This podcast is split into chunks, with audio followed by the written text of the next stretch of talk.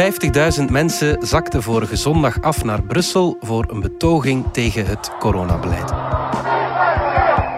Een bont allegaartje was het, onder wie ook enkele honderden relschoppers.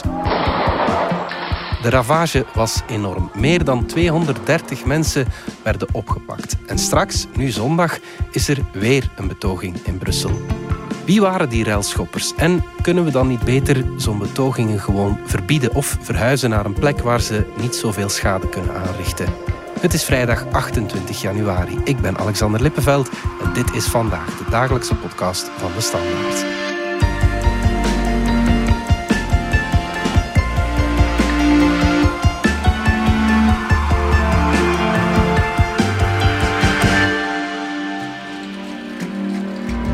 Ruud Goossens en Helene de Beukelare. Ruud, jij was afgelopen zondag voor de krant op die betoging.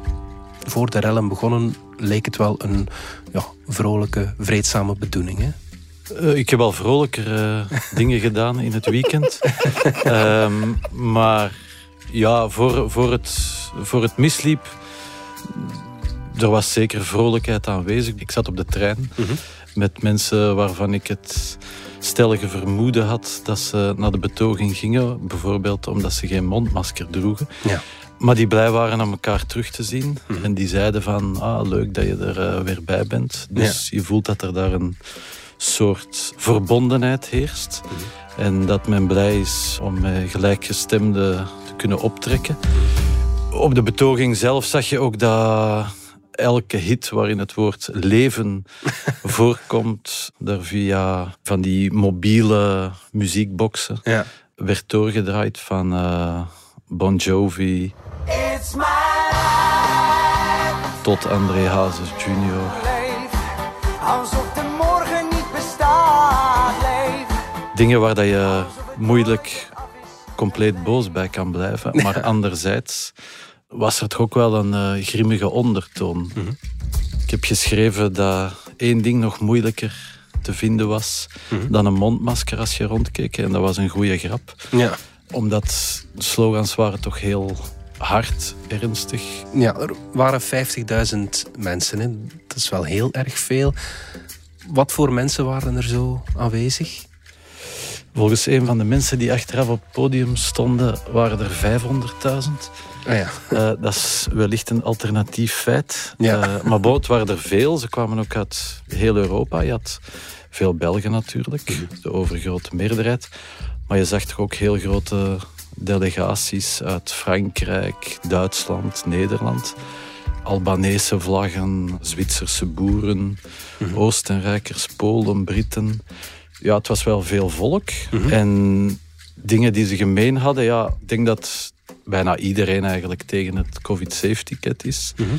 Tegen de vaccinatiedwang, wat zij de vaccinatiedwang noemen. Ja. Tegen een vaccin voor kinderen, tegen een zoveelste boosterprik. Daar kon je toch ook niet naast kijken ronduit antivax-boodschappen. Ja. Vaccin is vergif. Uh, mm -hmm. Ongetwijfeld zat niet iedereen op die lijn en ongetwijfeld liepen daar heel veel gevaccineerde mensen rond. Maar je kan niet zeggen dat dat, dat daar niet aanwezig was.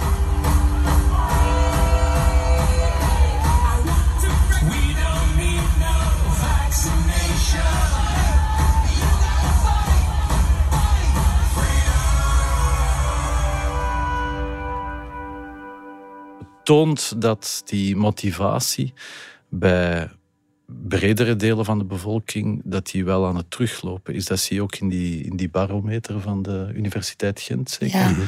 Dat, dat mensen door Omicron, door het feit dat het lang duurt, door het feit dat uh, intensive care afdelingen niet overspoelen, dat mensen denken van ja, nu, nu mag het toch stilaan een beetje de broeksriem mag wat losser. Absoluut, ja, ja, absoluut. Er waren ook heel wat speeches hè, op die uh, betoging. Wie stond er op het podium? Uh, mensen die heel gemotiveerd waren, maar uh, niet om de maatregelen te volgen, ja. maar ja, toch wel gekke dingen te verkondigen. Mm.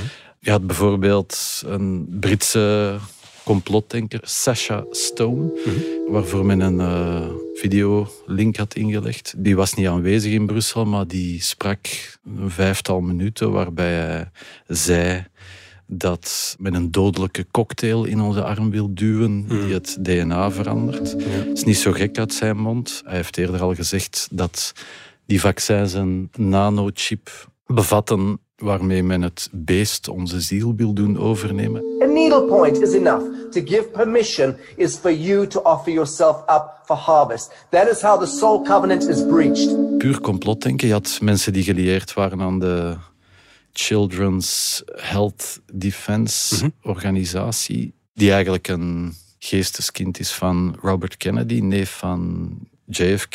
Ja. En ook een bekend antivaxer. Mm het, het, was toch wel een, een rariteitenkabinet dat daar op het podium stond.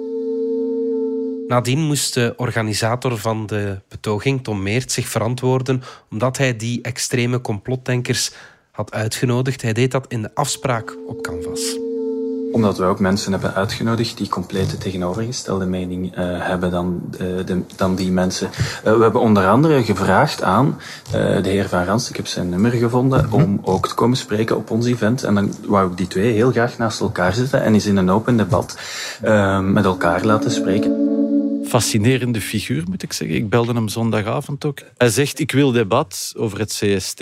Kan je een debat voeren? Hè? Of dat dat een een goed idee is, of dat dat effectief is, of dat je daarmee veel te ver gaat als overheid. Maar het punt is dat het zondag natuurlijk een heel eind verder ging. De organisator zegt, laat die meningen botsen, maar ja, eigenlijk zijn dat geen meningen, dat zijn gewoon onwaarheden. Mhm, mhm. En je kan je wel afvragen wat het debat daarbij wint. Vooral omdat er eigenlijk niemand op het podium stond die dan de andere klok liet luiden. Ja. Het is dan op een gegeven moment ontspoord, net als die, uh, illegale feestjes Laboom vorig uh, voorjaar in Terkamerenbos. Is dat verrassend dat het uiteindelijk ontspoord is? Ik kan niet zeggen dat ik, behalve dat het op andere momenten ook al ontspoord is. Uh, dus in die zin acht je het wel mogelijk. stond op een bepaald moment op de kleine ring. Maar ik kan niet zeggen dat ik mij daar toen geweldig onveilig voelde. Uh, omdat ik een mondmasker droeg of een notaboekje in de hand had. Dat viel wel mee. Het is niet zo dat er werd opgeroepen om de boel kort en klein te slaan. Anderzijds, de boodschap die daar verkondigd werd, is natuurlijk wel heel fors. Men heeft het tegen het systeem, tegen de corrupte regeringen die mensen offeren, die een dictatuur eigenlijk willen creëren. Het is in ieder geval niet de sfeer van liefde en verbinding waarin zo'n dingen totaal onmogelijk zijn. Uh, dus daarmee zeg ik niet dat al die mensen uh, bereid waren om, om met een kassei een gebouw van de Europese Unie of een stel agenten te mm. lijf te gaan. Maar het is nu ook niet dat het vooraf in die speeches allemaal... Uh, Pijs en vree. Uh, pijs en vree was of, of alleen maar liefde en verbinding was. Manifestation entière en appliquant de la violence. Nous qui nous sommes rassemblés ici, nous sommes pour la paix, pour l'amour et pour la tolérance.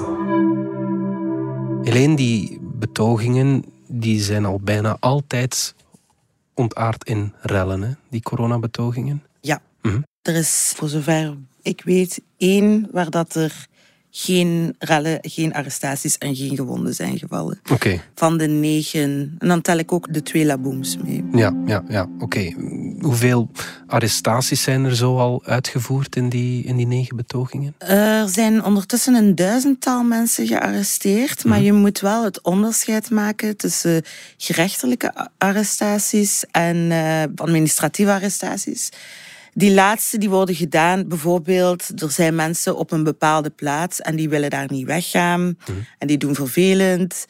Dan worden die mensen opgepakt en quasi onmiddellijk weer vrijgelaten omdat die geen misdrijven hebben gepleegd. Ja. Voor afgelopen zondag zijn er elf gerechtelijke arrestaties geweest. Daarvan zijn, er waren drie minderjarigen. Mhm. En dan van de acht meerderjarigen is er één persoon die zich ter beschikking van de rechtbank moet houden. Dus die eigenlijk in voorarrest zit. Mhm.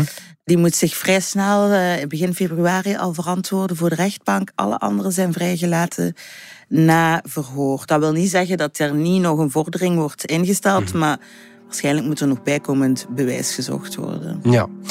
Je hebt eens uitgepluist wie er achter die rellen zat hè, voor de krant. Ja. Of dat toch geprobeerd? ik heb dat het is niet eenvoudig. ik, maar ja, dan, als ik dat gedaan heb, dan was dat niet een zeer succesvolle missie. Want ja, we weten dat eigenlijk niet goed. Mhm. Er zijn een aantal groepen die we kunnen identificeren van wie het plausibel is dat die misschien hebben deelgenomen. Mm Aan de ene kant heb je ehm, de aanwezigheid van ultras of zeer fervente hooligans. Mhm uit Nederland, uit verschillende landen, ook uit België. Dan weten we dat daar ook uh, aanhangers van de anarchistische groeperingen tussen zaten, Antifa en zo verder. Mhm. Daar leidt het spoor naar Franse groepen uit Alsace-Lotharingen. Mhm.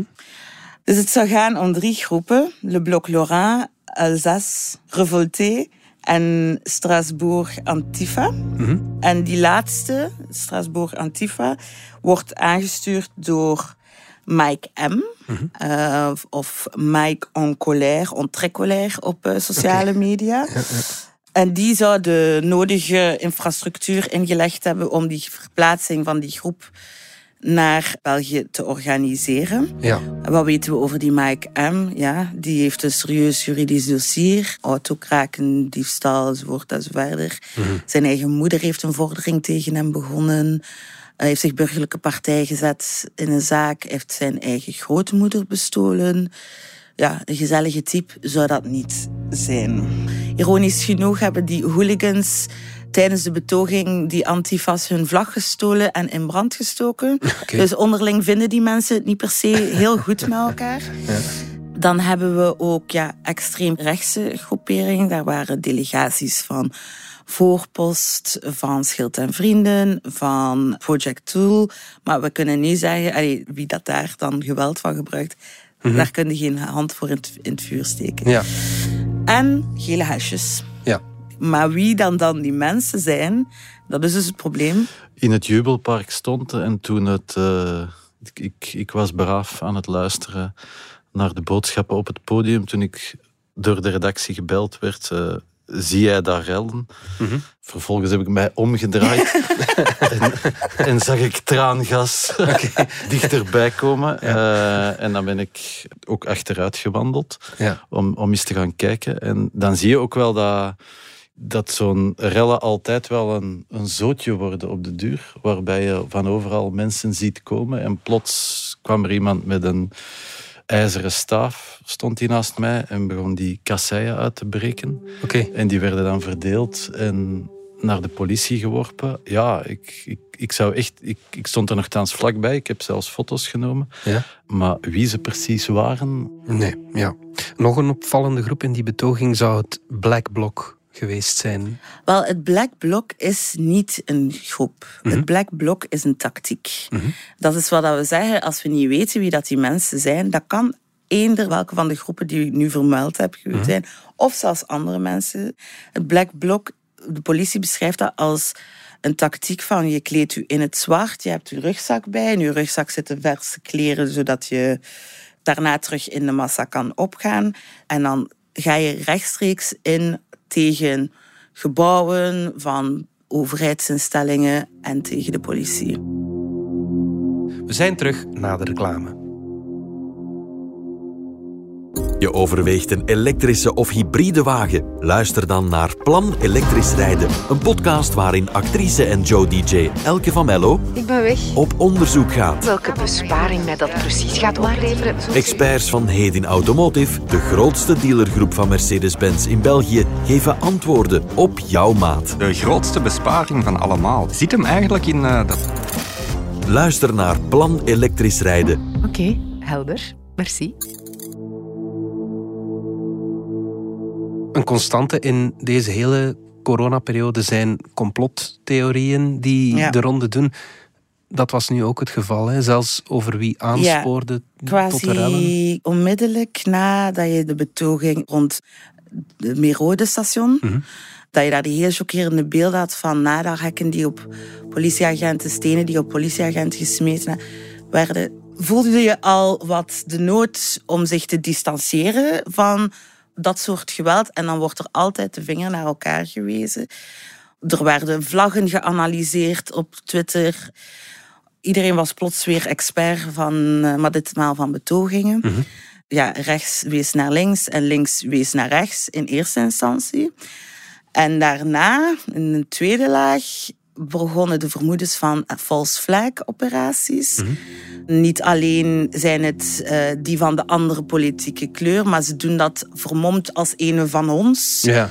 Om ons te besmeuren. Mhm. Dat werd meteen uh, trouwens op het podium toen dat de rellen begonnen, kwam Marcus Heinz het podium op, een Duitse advocaat die bij Children's Health Defense ook actief is en die, die een querdenker is. En de Duitse anti-vaxbeweging of vaccin-twijfelende of vaccin-weigerende beweging. Mhm. En die zei meteen, dit is het werk van enkele honderden criminelen en ik ben er zeker van dat zij betaald worden door het regime.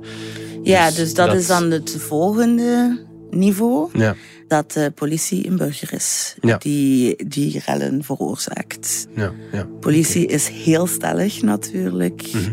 Dat is het verste van de waarheid, als het maar kan zijn. Ja. Maar had de politie die hele betoging zondag onderschat? Of is er gewoon niets tegen te ik had toch niet de, de indruk toen ik er naartoe wandelde. Er was in ieder geval heel veel politie op de been. Ja.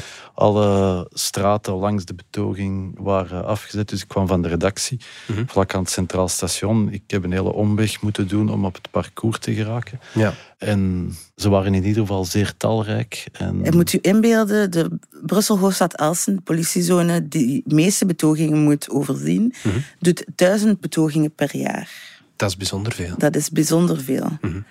Je hoort ook heel vaak, ja, ze hadden vroeger moeten ingrijpen. Mm Politie zegt ook, het is helemaal niet zo simpel om in de massa te gaan en daar mensen uit te gaan halen. Mhm, mhm. Want dan loop je enorm veel risico voor de agenten die dat werk moeten doen. En je loopt enorm veel risico ook dat het dan gaat beginnen ontploffen en mislopen. Zoals de, de, procureur des Konings het zei, het zijn heel gesofisticeerde daders. Ja, ja, ja. Ze weten wat ze doen en ze weten hoe dat ze het moeten doen. Ja, heel georganiseerd. Ja. ja. Er was wel wat kritiek van eh, de vakbonden op hoe de betoging georganiseerd is. Niet per se op deze betoging georganiseerd is, maar toch wel ja, bezorgdheden. Mm Vincent Houssin van VSOA zei van... De politievakbond. Ja, de politievakbond zei dat hij bijna geen gebruik van matrakken meer ziet, bijna geen paarden meer ziet. En dat dat een gevolg zou zijn van ja, de aandacht die er is voor uh, niet geweld tegen de politie, maar geweld door de politie. Maar wat hij ook zei, is uh, het probleem dat ze nu vinden, is dat ze geen personeel meer vinden die specifiek die betogingen willen doen. Okay. Want dat vergt opleiding en dat vergt kennis. Ja. En daar is er nu wel een, stilaan een tekort aan. Hm. Er gaan stemmen op die nu, ja, die nu vragen, verbied die betogingen of verhuist ze toch op zijn minst naar een plek waar ze zoveel schade niet kunnen toerichten. Wat moeten we daarvan denken? Is dat een optie? Dat lijkt mij niet één, maar veel stappen te ver. Ik denk mhm. dat je het recht om je mening te verkondigen en om die collectief te verkondigen, dat dat toch, ja, dat je daar best afblijft. Mm En ja, een betoging op een plek, goh, dat is dan op de Heizel of zo wordt dat meestal gezegd. De Heizel. Ja. Als manifestanten dat zelf goed vinden en zeggen wij komen daar samen. Maar het lijkt me toch moeilijk om dat recht te verbieden, om te zeggen jullie mogen niet meer door de stad wandelen. Mhm. Ja, burgemeester Kloze is categoriek, dat gaat zelfs niet. Mhm. Ze hebben het eens geprobeerd met de Marrakesh-betoging. Mhm. En de Raad van State heeft hen teruggeroepen. Ja.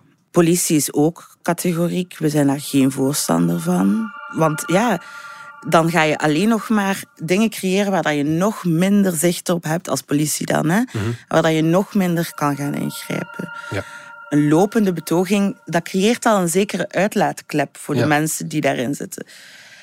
Een deel van uw recht op manifesteren en betogen is ook gezien worden en gehoord worden. Mhm. En dus die parcours, die moeten juist langs die plaatsen gaan zo goed mogelijk. Natuurlijk, je hebt de neutrale zone, die moet beschermd worden. Als dat niet, ja, dan, dan zou de schade waarschijnlijk onoverzienlijk kunnen zijn. Het is ook een gewoon een grondwettelijk recht om, Dus nee, dat, dat is, zo kan je het niet doen. Tegelijkertijd spreekt iedereen nu over versoepelingen. Dat heeft natuurlijk vooral te maken met Omicron en het feit dat die minder ziekmakend is. Maar heeft het ook niet te maken met de druk van onderuit? Ongetwijfeld. Ik bedoel, politici lezen ook de motivatiebarometer, uh, lopen veel rond. Dus horen wel dat de goesting om alles te volgen, dat die afneemt. Mhm. Je begint er zelf wel van te hopen dat we de pandemische fase ja. stilaan voorbij zijn. Ja. En dat het allemaal wat rustiger en uh, normaler wordt. Maar ook als je op zo'n betoging loopt, heb je dat toch wel van... Wow, hier is een uh, andere werkelijkheid soms. Die ook een broeihaard voor radicalisering kan zijn. Waarmee ik niet zeg dat iedereen die daar liep geradicaliseerd is. Maar het is niet gek dat daar... Uh, gekke ideeën ontstaan. Je ziet dat ook in Duitsland, heb je het gezien. Hè? Daar heb je bij die, onlangs heb je een razzia gehad bij die kweerdenkers in uh, Zaksen. Omdat er een, een moordplan tegen de minister-president was van Zaksen. Dus eh, het is normaal als de woede zo groot is, als de afkeer van het systeem zo groot is, dat je ook uh, mensen krijgt die daar heel uh, extreme conclusies uittrekken. Dus alleen daarom al zou je hopen dat het snel, wat normaler wordt. Ja, tuurlijk. Komende zondag staat er dus weer een uh, betoging gepland. Moeten we opnieuw vrezen voor wat we afgelopen weekend zagen?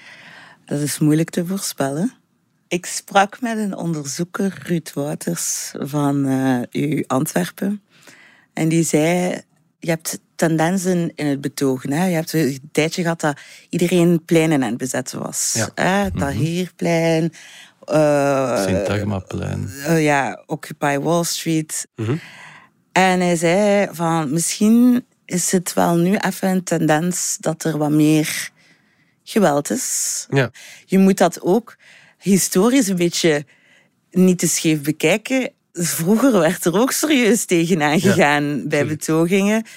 Dus um, ja, we mogen het historisch perspectief ook niet uit het oog verliezen mhm. daarin. Mm Wat dan nu gebeurt is ook weer niet zo uitzonderlijk. Mhm.